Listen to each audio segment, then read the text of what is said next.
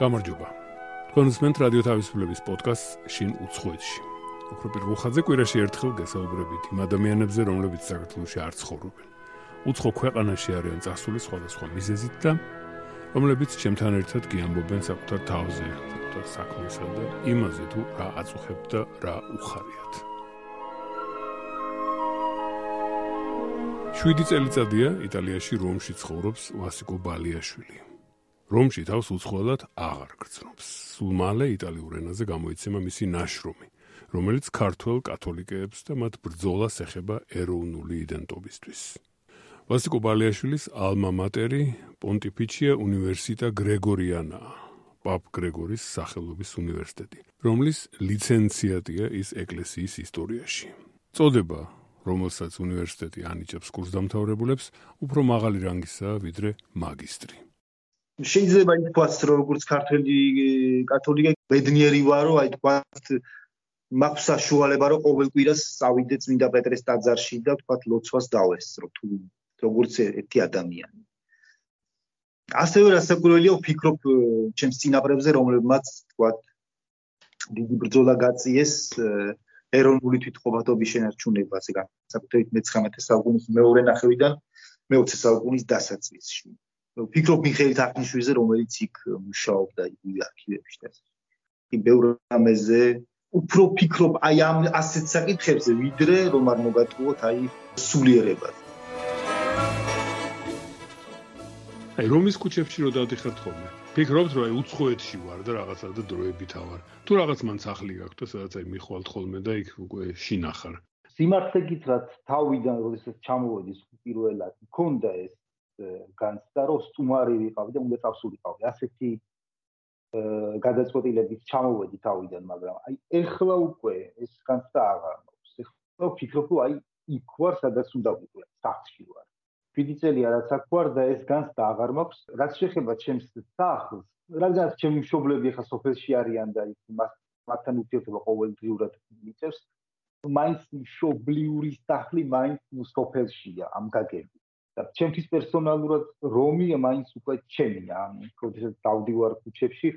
საკმაოდ კარგად ვიცი იმიტომ რომ ადრე დიდადაც ვუშაობდი თან ველოსიპედი სიარული მიყვას და ველოსიპედი თითქმის თელი რომი შემოვლიდა ვასიკო გიდათ უმუშაობდიო რომ ეხლა თქვენ ალბათ ძალიან მაღალი კვალიფიკაციის გიდი იყავით ხო ეხლა ისტორიკოსია და მე რომელიც მეცნიერებაში ამ უცხოელებს უამბობდით რომის ისტორიას თქვა ქალაქს აჩვენებდით არქიტექტურაზე უამბობდით თუ რაღაცა თქვენი გქონდათ და თქვენ თქვენ ხაზს ასე თქვა ატარებდით რომის ისტორიას რასაკვირველია მაგრამ უფრო ქრისტიანული რომის ისტორიას.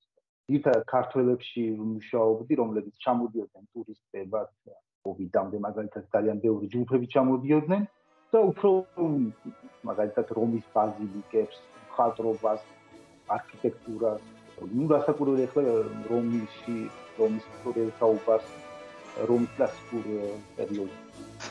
და გამოვწო ასე ნუ ყველაფერი პრაქტიკა, მაგრამ გენერალური ხაზი იყო ქრისტიანული ისტორია რომი. რომი სოფლიოს ერთ-ერთი უმნიშვნელოვანესი ქალაქია. არსებობდა რომის იმპერია და შემდგომ კიდევ ერთი სახელმწიფო, მეტად გამორჩეული პოლიტიკური და კულტურული სისტემის მქონე, მის დასახელებაშიც რომი ფიგურირებდა. გერმანელი ერის წმინდა რომის იმპერია, რომლის მეფეები რომში ინიშნებოდნენ და ირჩეოდნენ. ახანდელი რომი იტალიის დედაქალაქი და მშვენიერი ქალაქია. ვინ არიან რომაელები დღეს? ვის შეუძლია თქვას, რომ რომაელია ამაყად მჟღერი სიტყვა? აი ნამდვილი რომაელი ის არის, ვინ დიალექტზე საუბრობს. ანუ პრაქტიკულად ყველას ეთყობა არის სუფთა რომაელი თუ არ არის სუფთა რომაელი. და ეს არის ერთი შეკრული ორგანიზმი და თვითონაც ანუ რომაელი თქვა განსხვავდება თქვა სხვა იტალიელისგან თავისი მენტალობით, ტრადიციით ენით მაგალითად. რომელიც თქვა იტალიურია რასაკვირველია, მაგრამ განსხვავებული. და ასე თვისობრივად უფრო კულები არიან ეს რომაელები თუ როგორები არიან? პრინციპში ასე არ შეიძლება ვერ ვიტყოდ, იმიტომ რომ აი მილანელს ან ფლორენციას თუ კითხავ, რომაელები ვთქვათ არ არიან ერთ-ერთი ფულები. პირიქით ვთქვათ ფლორენციელები თუ არიან ვთქვათ მაგალითად მეგობარი მყავდა რომელიც აკრიტიკებდა რომაულ დიალექტს და ამბობდა რომ მაგათი გამოთქმები არის სოფლური და ეს არ არის ნახდი იტალიური და რა ეს სოფლური გამოთქმები აქვს სოფლური საუბარია ხო და? ესე ესეთი რამეს მოვისმენია. რომ იტალიის შემოგენობაში არავის არ ყოფილა უფრო იყო პაპის სახელმწიფო. ასეთი ტერმინიც არსებობს უცხოელი იტალიელი უცხოელი იტალიელი პაპის სახელმწიფოში ეწოდებოდა იმ იტალიას, რომელიც ამ წმინდა საყდრის ტერიტორიის გარეთ ცხოვრობდა, ან თქვათ ფლორენციელი ან ვენეციელი, ან ნაპოლეტანელი. ესეთი დამოკიდებულება დამოკიდებულება არის, რაც შეეხება ერთიანობის ერთიანობის იდეას, შეიძლება ითქვას, რომ კი, მენტალურადაც კი იტალიელები სხვადასხვა მხარეს არიან, თქვათ, ყოველთვის ეს ჩანს ყოველდღიურ ცხოვრებაში, ფილმებშიც, გადაცემებშიც და ასე შემდეგ. ხო, თქვათ, ჭრდილოელი სამხრეთ საკრიტიკებს და დასცინის სამხრეთელი ჭრდილოელს და ასე შემდეგ. მაგრამ ნუ საერთო ჯამში ერთ ერთობლივი ორგანიზმია, ორცერი. მე ძალიან როგორ ვთქვა, იტალიაში არც მიცხოვრია და ზედაპირული წარმოდგენა რაც მაქვს თითქოს არის ხოსტი კათოლიკური ეკლესია ყველგან შეიგრძნობა ეს ეკლესიის არსებობა ძირთად ღვთის სახლების გამო და თვითონაც ლაპარაკში შეიძლება რაღაცა ფრაზეებს მიმართავენ რომელიც შეგახსენებს რომ ეს არის ქრისტიანი ხალხი მაგრამ რაღაც იტალიელები ხა ცუდი არ მინდა ვთქვა მთელ ერზე რა თქმა უნდა მთელ ერზე ვერაფერს იტყვი ვერც ერთ ერზე მაგრამ აღარ მგონია ძალიან ზედაპირულია ხო მათი ეს მორწმუნეობა კი სხვათა შორის ძალიან ზედაპირულია და ძალიან გვანან ქართველებს ამაში იმდა გითხრა ანუ ეს საყოველთაო თითქოს საყოველთაო რელიგიურობა გადადის რაღაც ტრადიციებში, სახალხო ტრადიციებში ძირითადად და შეიძლება ითქვას სიყალბეში. ნუ ჩვენ მაგალითად მე შემიძლია როგორც ქართველმა თქვა, რომ საქართველოსი საყოველთაო რელიგიურობა არის სიყალბე. აქაც ასე იყო. ეხლა ნელ-ნელა იცვლება ყველაფერი, მაგრამ ზოგადად კი, უფრო უფრო ხალხური ტრადიციული რელიგიურობა ვიდრე ნამდვილი ქრისტიანობა. რასაც ეკლესიები ითხოვენ ადამიანებისგან.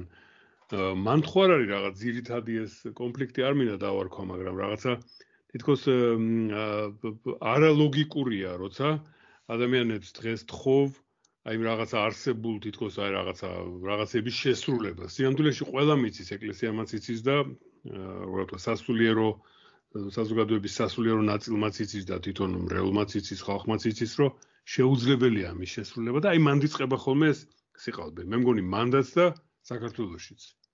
კი, მართალია, აქ იწება ზუსტად ამ წესების ეს თუმცა წესების შესრულებაზე წესების შესრულება ერთია დაწერილი წესების და დამკვიდრებული წესების და მეორეა დღეს ზოგადად ეკლესია რას აკეთებს თქვა?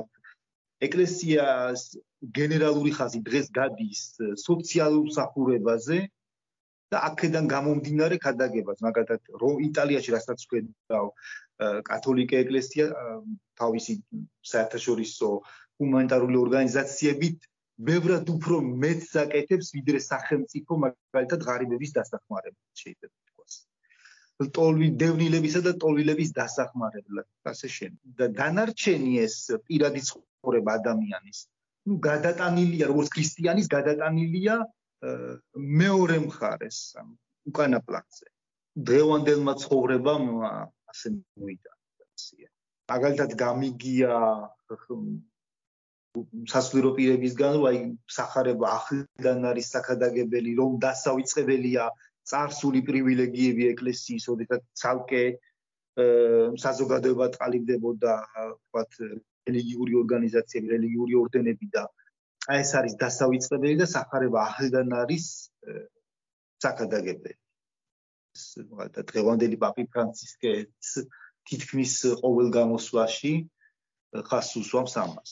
სამხრეთ საქართველოში სადაც კათოლიკობა ქართველთა შორის ყველაზე მეტად იყო და არის გავრცელებული, ადრე შეიძლება ახლაც კათოლიკე ქართველს ფრანგად უხმობდნენ. ვერ გეტყვით ეს სიტყვა ფრანგულ ეთნოს აღნიშნავდა თუ სპარსულიდან იყო შემოსული, სადაც ფარანგი ასევე უცხოს ნიშნავს, მაგრამ ფაქტი ისაა, რომ ქართველი კათოლიკის ქართველობა კითხვის ნიშნის ქვეშ შეიძლებოდა ყოფილიყო. არდა ქართულ კათოლიკეთა თავდადება ქართული საქმისთვის ყველასათვის არა, მაგრამ ცნობილია. თუ არაა ცნობილი, ყველამ უნდა გაიგოს. შეიძლება ამასაც ემსახურება ვასიკო ბალეშვილის ნაშრომი, რომელიც ახლა ციგნად გამოვა იტალიაში, იტალიურ ენაზე. კვლევის თემა ქართული კათოლიკეები მე-19 საუკუნის ბოლოს და მე-20-ის დასაწყისში მათი ბრძოლა ეროვნული იდენტობის. ჩემი დღევანდელი კვლევის საგანი არის ქართული კათოლიკეები მე-19 საუკუნის ბოლოს და მე-20 საუკუნის დასაწყისში. ესე იგი, როგორ იბრძოდნენ ისინი ეროვნული იდენტობისთვის. ეს არის ძალიან მნიშვნელოვანი თემა, ვინაიდან დღესაც კი არის აქტუალური. შეიძლება ერთი შეთვალის ერთი შეხედვით არ ჩანს ეს, მაგრამ დღესაც კი არის აქტუალური. ასევე მართალია რომ ამ თემაზე დღეს საუბარი არის არაპოლიტკორექტული. ჩვენ ხო ისტორიაზე ისტორიაზე ვსაუბრობთ, ამიტომ იქიდან მოყოლებული ის პრობლემები, რაც იქ იყო ქართული კათოლიკების წინაშე, პრაქტიკულად დღემდე არის გადაუცვლელი. მაგალითად, მაგალითად დღემდე არ ყავთ ქართულ კათოლიკებს ეპისკოპოსი ქართველი. რომ მაშინ ოდესაც 1918 წელს ისინი ითხოვდნენ რომ ისგან ქართველი ეპისკოპოსის დანიშნოს. წარუდგინეს მათ რამოდენიმე კანდიდატი და რომ არამც თუ ურიარუა არც ერთი კანდიდატი არ შეარჩია, არამედ იტალიელი დაუნიშნა ისევ 1920 წელს თბილისში ეპისკოპოსად. ესეთი უკურად პრაქტიკულად ეს იყო უყურადღებობა რომის გამოჩენილი რომის ის რომ რომს ქართველი კათოლიკები ქართული კათოლიკური ეკლესია არასოდეს არ აინტერესებდა სერიოზულად ეს არ არის ჩემი აზრით ეს იყო ეს არის ფაქტი რომელიც იკითხება დოკუმენტებში რომელსაც მე ვსწავლობ ეხლა ახლა ვინც განაგებს საქართველოს კათოლიკურ ეკლესიას ვინც თბილისში ზის ესენი სულ იტალიელები არიან ეპისკოპოსი იტალიელი არის, რომელიც მეტნაკლებად საუბრობს ქართულად. და დანარჩენი, ну, ბევრი ქართველი მგდელიც არის უკვე, რომელიც ამ ბოლო წლებში აკურთხეს და დიდი მადლობა უნდა გადაუხადო მათ, რომ ესე უფრო გააქართველეს შეიძლება ითქვას ეს ეკლესია, მაგრამ. მაინც აი მე მინდა ვთქვა, რომ იმ ჩვენი დიდი წინაპრების სურვილი რომ მათ ყოლოდათ ქართული ეპისკოპოსი და ქართული კათოლიკური ეკლესია ყოფილიყო აღმოსავლური წესის. დარჩა შეუსრულებელი პრაქტიკულად მათი სურვილი შეუსრულებელი დარჩა. ვინ უნდა იზრუნოს ამისთვის? ახლა თქვენ თქვით რომ აი რომმა ამხრივ არ გამოიჩინა რა ქვია ყურადღება. ქართველებმა უნდა იბრძოლონ ამისთვის თუ რაღაცნაირად ეს თვითონ ვატიკანში უნდა მომწიფდეს ასეთი სურვილი. არ ვიცი ხა უკვე ძნელად წარმომიდგენია ქართული აღმოსავლური წესის კათოლიკე ეკლესიის ჩამოყალიბება, მაგრამ საერთოდ ალბათ უფრო ქართველობა კათოლიკეებმა. მათი სურვილი უნდა იყოს ეს პირველ რიგში. სურვილი, რომელსაც მე პირადად უკვე ვეღარ ხედავ. ეს სურვილი ნამდვილად იყო მე-20 საუკუნის დასაწყისი. აი თუნდაც მე-19 საუკუნის მეორე ნახევარშია მონასტრის ჩამოყალიბება სტამბულში ზუსტად აი ამ სურვილის ერთ-ერთი გამოხატულებაა. მათ ნათლად თხოვეს რომ რომ მიეცათ უფლება აღმოსავლური წესით ეწიათ. ძალიან ნათლად ჩანს ეს დოკუმენტი.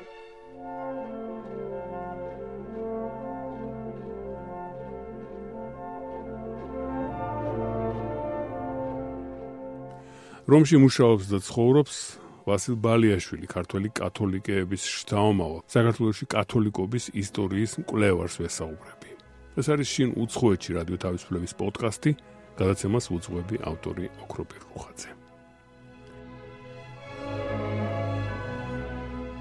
ჩვენ საავტორო გადაცემა შინ უცხოეთში ერთი წლის წინ ქონდა შესაძლებლობა ჩავსულიყავით და გადაგვეღო სტამბოლში ქართული კათოლიკური ეკლესია იქ მოქმედი ბიბლიოთეკა და არქივი. და გვესაუბრა ახლანდელ მესვაურებთან, პოლ და ნატალი ზაზაძეებთან, ასევე ქართველი კათოლიკეების შთამომავლებთან, რომლებიც ამ საგანძურს უვლიან. ერჩვენიერ დღეს შეიძლება ვასილ პალიაშვილსაც მიეცეს შესაძლებლობა იქ იკვლიოს. ახლა ვატიკანის არქივებშია ჯერ კიდევ საჩხრეკი. ასიკო თქვენ იკვლევთ აი ამ ქართველი კათოლიკეების ეროვნულ საქმეში, როგორ ვთქვა, ვაზლს. მათ ბრძოლას ეროვნულ იდენტობაში, იმიტომ რომ ეს არის ძალიან მნიშვნელოვანი დღესაც კი თუ ქართულ კათოლიკებს თავს ესხმიან, აი ესხმიან იმიტომ აი სლოგანით რომ ნამდვილი ქართველი უნდა იყოს მართლმადიდებელი და ეს არის ანუ პრაქტიკულად დღესაც კი ქართული კათოლიკე ამტკიცებენ რომ ქართველები არიან. ადრე თუ თქვათ წარსულში ერთის რუსეთის იმპერიას ებრძოდნენ თავისი ქართველობისთვის როგორც ყველა ქართველი. და ასევე სუდათ ეკლესიის კათოლიკურობის შენარჩუნება მეორეს მხრივ სომხური კათოლიკური ეკლესიის შოვინიზმს ებრძოდნენ. მესამეს მხრივ ვატიკანს რომელსაც თხოვდნენ რაღაც მაგრამ ის არ უსრულებდა. დღეს აი დღეს სიტუაცია შეიცვალა და მხოლოდ მის თავისუფლად შემიძლია თქვა, აი ორთოდოქსური ფუნდამენტალიზმის პირისპირ უმტკიცებენ რომ ისი ნამდვილი ქართველები არიან. ეს არის 90-იან წლებიდან მოყოლებული ეს არის ძალიან ძლიერი შეიძლება ითქვას სლოგანი მათი. ძალიან მითხარით რომ აი ჩემი სახლი მაინც იქ არის, სადაც შოვლები არიან, სადაც აი თქვა თქვენი სახლია, სადაც აიზარდეთ და სადაც აი ათვალიერებდით ცას და წყალს. კათოლიკეები არიან, თქვენები. საბჭოთა პერიოდში გაზრდილი ადამიანები არიან ხო ისინი თქვა რელიგიური თავისუფლების ეპოქის შვილები არ არიან. თქვენ ხართ. აა მათგან აი როგორი ის მოდის? აი როგორ გიყურებენ თქვენ? რასაკეთებსო ვასიკო? აი ეს წინაპრებზე რას ბძანეთ? აი ხა თქვა ამისი განცდა არის ოჯახში? ვერ ვიტყვი იმიტომ რომ ჩემი ოჯახი კი მამ თქვა ტრადიციულად კათოლიკური ხან დედა მართლმადიდებელია მაგრამ ჩემი და და ჩემი ძმა კათოლიკები არიან. мама კათოლიკია, მაგრამ ეკლესიური არ არის, აი არ დადის ეკლესიაში. ტრადიციულად კათოლიკია შეიძლება ითქვას. ჩვეულებრივად უყურებენ დიდი რომ ვთქვა რომ დიდი მხარდამჭერა მხარდაჭერა მაქვს თქვა ოჯახიდან идеური ამის გამო ვერ ვიტყვი არანაირი მოსკო თქვენ ხა როცა ასეთ კვლევას აკეთებს ადამიანი ხო? ფიზიკაში ქიმიაში რავი კიდე რა დარგები დავასახელო. ისეთ სფეროებში სადაც რომელსაც გამოყენებითობა აქვს უფრო და მრეწველობაში ხდება მისი განხორციელება იქ ფული არის ხოლმე და ნუ არიან მის ფიზიოლოგიაში და იმაში აა ბევრი ფული აქვს თქვენ სფეროში როგორ არის? თქვენ რა გაცხოვრებთ რითი აი რომში ამდენი ხანი ცხოვრება რა ფულით ფინანსდება? იცით რა არის აქამდე ვიდრე ბაკალავრიატში და ლიცენზიაციას სწავლობდი სტიპენდია მქონდა და იმით არსებობდი და მუშაობდი კიდე. ვისი სტიპენდია? ეს იყო გერმანული ფონდი რენოვაბისი რომელიც მიმოფინანსებდა აკრომში გერმანი გერმანი გერმანიის კათოლიკე ეკლესია აღმოსავლეთ ევროპის სტუდენტებისთვის ასეთი თუ არ ვცდები ასეთი ფორმულირება ქონდა ამ სტიპენდიას და მათი სტიპენდია მქონდა აქ რომში წლების განმავლობაში. ახლა აღარ მაქვს ეს სტიპენდია, ну მუშაობა მაგალითად მუშაობდი კიდე მუშაობდი ფიზიკურადაც ჩემთვის პრობლემა არ არის ეს. ეხლა ჩემი სამაგისტრო ნაშრომი გამოვა მალე იტალიაში. კათოლიკე ეკლესია მე-20 საუკუნეში, ქართული კათოლიკები ეროვნულ იდენტობასა და რელიგიურ თავისუფლებას შორის. პროფესორს ძალიან მოეწონა და მითხრა რომ აი უკვე საბოლოოდ არის გადაწყვეტილი რომ გამოვიდეს თქვა იტალიურ ენაზე ხა უნდა ცოტა შევცვალო ციგნ გადაკეთების. ამბავში ეს ჩემი ნაშრომი სადიპლომო დაიბეჭდება მალე. კლევარი როცა მუშაობს ამ საკითხებზე ისტორიკოს აქვს რაღაც რაიმე როგორ ვთქვა, სწორი სიტყვა არ მინდა ვიხმარო, აი რაღაცა ვთქვათ мотивация, აი ვთქვათ ეს რამდენად გაქვთ იმის განცდა, რომ თქვენზე წერთ ამას. აი იმის დამტკიცება გინდა თქვენი ნაშრომებით, მოპოვებული წყაროებით, არქივებში, რა ქვია, ნაძებნით, რომ აი რამდენად თქვენ თავზეა ეს ყველაფერი. რასაკვირველია, ჩემს თავზეც არის და ზოგადად ვინც ყველა იმ კათოლიკეზე, რომელიც თქვა საქართველოსში ცხოვრობს, მაგრამ პირველ რიგში აა ვინაიდან აქ რომში ისეთი დოკუმენტები აღმოვაჩინე რომელიც საქართველოსში ქართული ისტორიოგრაფიაში უცნობია მაგალითად 1918 19 20 21 წლებს რომელიც რომელი დოკუმენტებიც ეხება და უცნობია აბსოლუტურად თავისუფლად შემიძლია ვთქვა და წმინდა წლის ანუ პროფესიულადაც დამაინტერესდა უფრო იმიტომაც რომ ეს იყო ქართულ კათოლიკებზე უნიშნელოვანესი იყო ისიც რომ ეს იყო ბრძოლა მათ იდენტობისთვის და აი ყველა ფერმა ერთად მოიყარა თავი და დიდი სიამოვნებით ვმუშაობ ამაზე თუმცა არის დიდი სამუშაო ძალიან იმიტომ რომ ნახევარი დოკუმენტების თქვა 90% ფრანგულად არის დაწერილი იმიტომ რომ ფრანგულად იწერებოდა მაშინ საერთაშორისო ენა ფრანგული თარგმნოს ეს დოკუმენტები იტალიურად მერე ქართულად და ასე შემდეგ რაზეც ეხლა მე დიდი სიამოვნებით ვმუშაობ როგორც ერთი ადამიანი ისტორიკოსი. რაც შეეხება ჩემს კათოლიკობას, კი ალბათ დიდი გავლენა ჰქონდა ამასაც. მაგრამ ჩემს თავზე კი არა, ჩემს წინაპრებზე წერა, როგორც ისინი მათი, როდესაც ვკითხულობ ამ დოკუმენტებს, აი მათი აზრები და მათი დამოკიდებულება არის გამსაზღვრელი იმისა, რასაც აი ვთქვათ, ჩემი აზრების ჩამოყალიბებაში ეს არის ვთქვათ მნიშვნელოვანი. საქართველო იცნობს царსულის ცნობილ მკვლევრებს მიხეილ თამარაშვილს და მიხეილ თარხნიშვილს. უდიდესია ამ ორი კათოლიკეს ქართველი ერის წინაშე ღვაწლი. ორივე იკვლევდა კათოლიკობის ისტორიას საქართველოში. მიხეილ თამარაშვილი 1978 წელს საქართველოში თბილისში გადაასვენეს.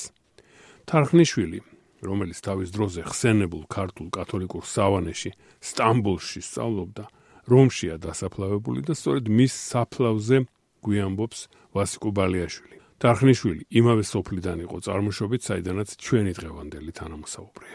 პრაქტიკულად წარწერებიც კი აღარ ეთყობა.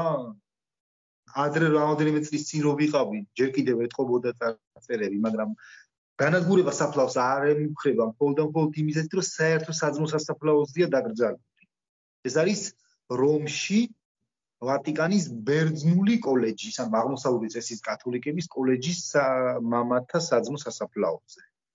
სანტანსელმო წმინდა ანსელმო კოლეჯის მამათა სასაფლაოზე. თქვა ამ საფლავის არსებობა იცოდით თუ რაღაცნაირად შემთხვევით მოხდით თუ აი ეს ისტორია როგორ იყო? საფლავის არსებობა ვიცოდი საქართველოში არის ესეთი აზრი რომ ისაფლავს აწერია ქართულად რაღაცა წარწერები და ასე შემდეგ. და მე ჩამოვედი აქ და ვეძებდი ქართულ წარწერებს. ეს ქართული წარწერები როდესაც გარდაიცვალა იქ ვიღაცას ნეკროლოგი გამოუქვეყნებია და ეს დაუწერია მაშინ. და საფლავზე ლათინურად და ბერძნულად აწერია ბიბლიური ფაქტა. მეტი არაფერი და როგორც იქნა ვიპოვე, პატარა წარწერები აქვს რევერენდომ თახნიშვილი, რომელიც აიხლა უკვე ბოლოს რო ვიყავი, თითქმის გადაშლილი იყო. ესეც მისახედი ამბავია, იმიტომ რომ მაინც ხა ერთადერთი ქართველია, რომელიც ცნობილი, რომელიც რომშია დაკრძალული.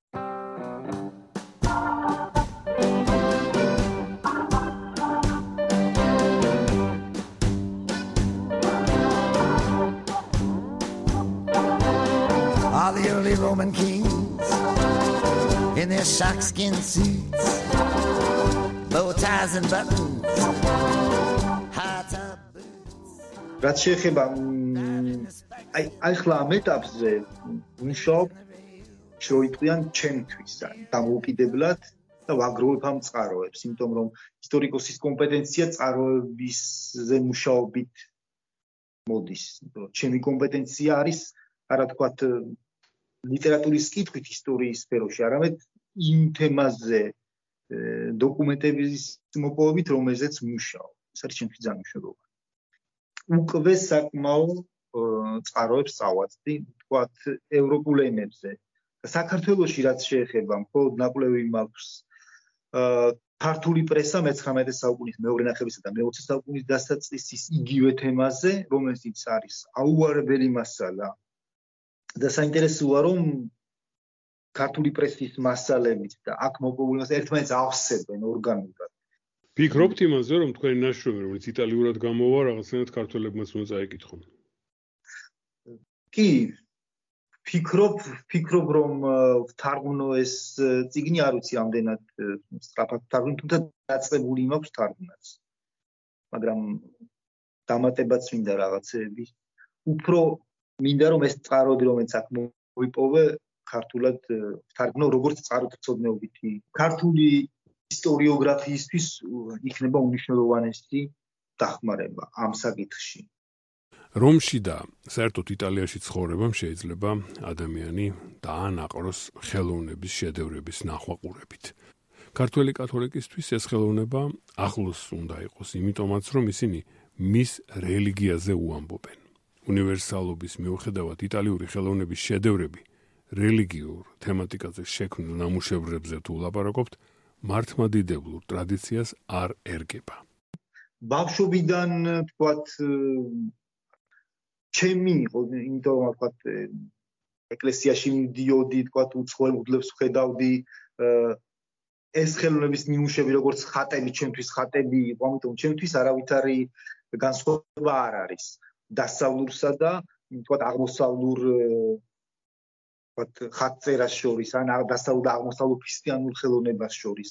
თუმცა მე აი პიროვნულად შეყვარებული ვარ აღმოსავლურ, ალბათ რადგანაც ქართველი ვარ, არ ვიცი, აღმოსავლურ ხატწერაზე. ანუ ხატი როგორც ასეთი, ჩემთვის მაინც, მიყვარდა, უფრო არის აღმოსავლური ხატწერა, რომელიც ძალიან მიყვარს. და შორის თანამედროვე კათოლიკურ ქრისტიანულ ხელოვნებაში ძალიან პოპულარულია აღმოსავლური ხატწერა. თითქმის ყველა ეკლესიებში, რომელშიც თქვა, ეხლა შენდება ან ცოტა ხნის წინ აშენდა, არის აღმოსავლური ხატწერა გამოყენებული. ეს ძალიან საინტერესო. რომში ასია მაგალითად თავისუფლად შემიძლია თქვა.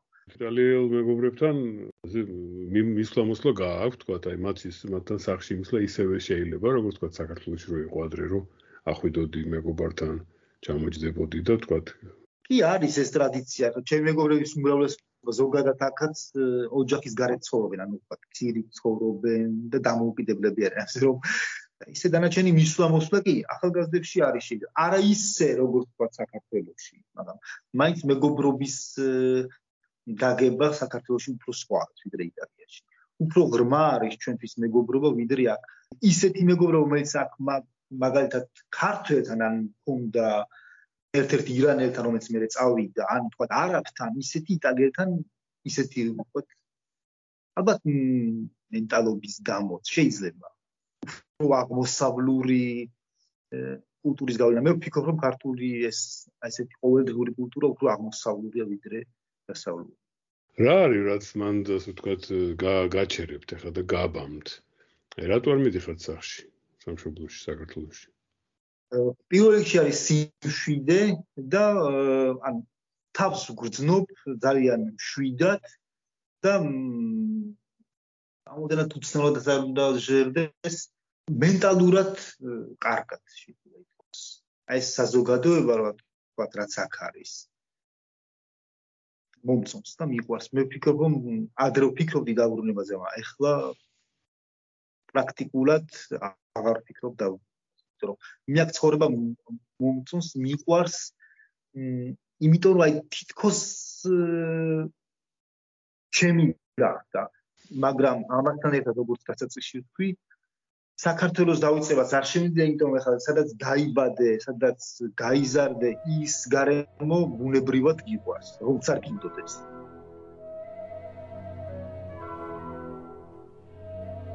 რომაელებზე, იტალიელებზე, საქართველოს კათოლიკური ეკლესიის ისტორიაზე, ქართული კათოლიკეების სურვილებზე და მათ პრობლემებზე ვესაუბრებოდი ვასიკო ბალიაშვილს, რომლის ნაშრომი ქართულ კათოლიკეებს და მე-19 საუკუნის ბოლოს და მე-20-ის დასაწყისში ეროვნული იდენტობისთვის მათ ბრძოლას ეხება.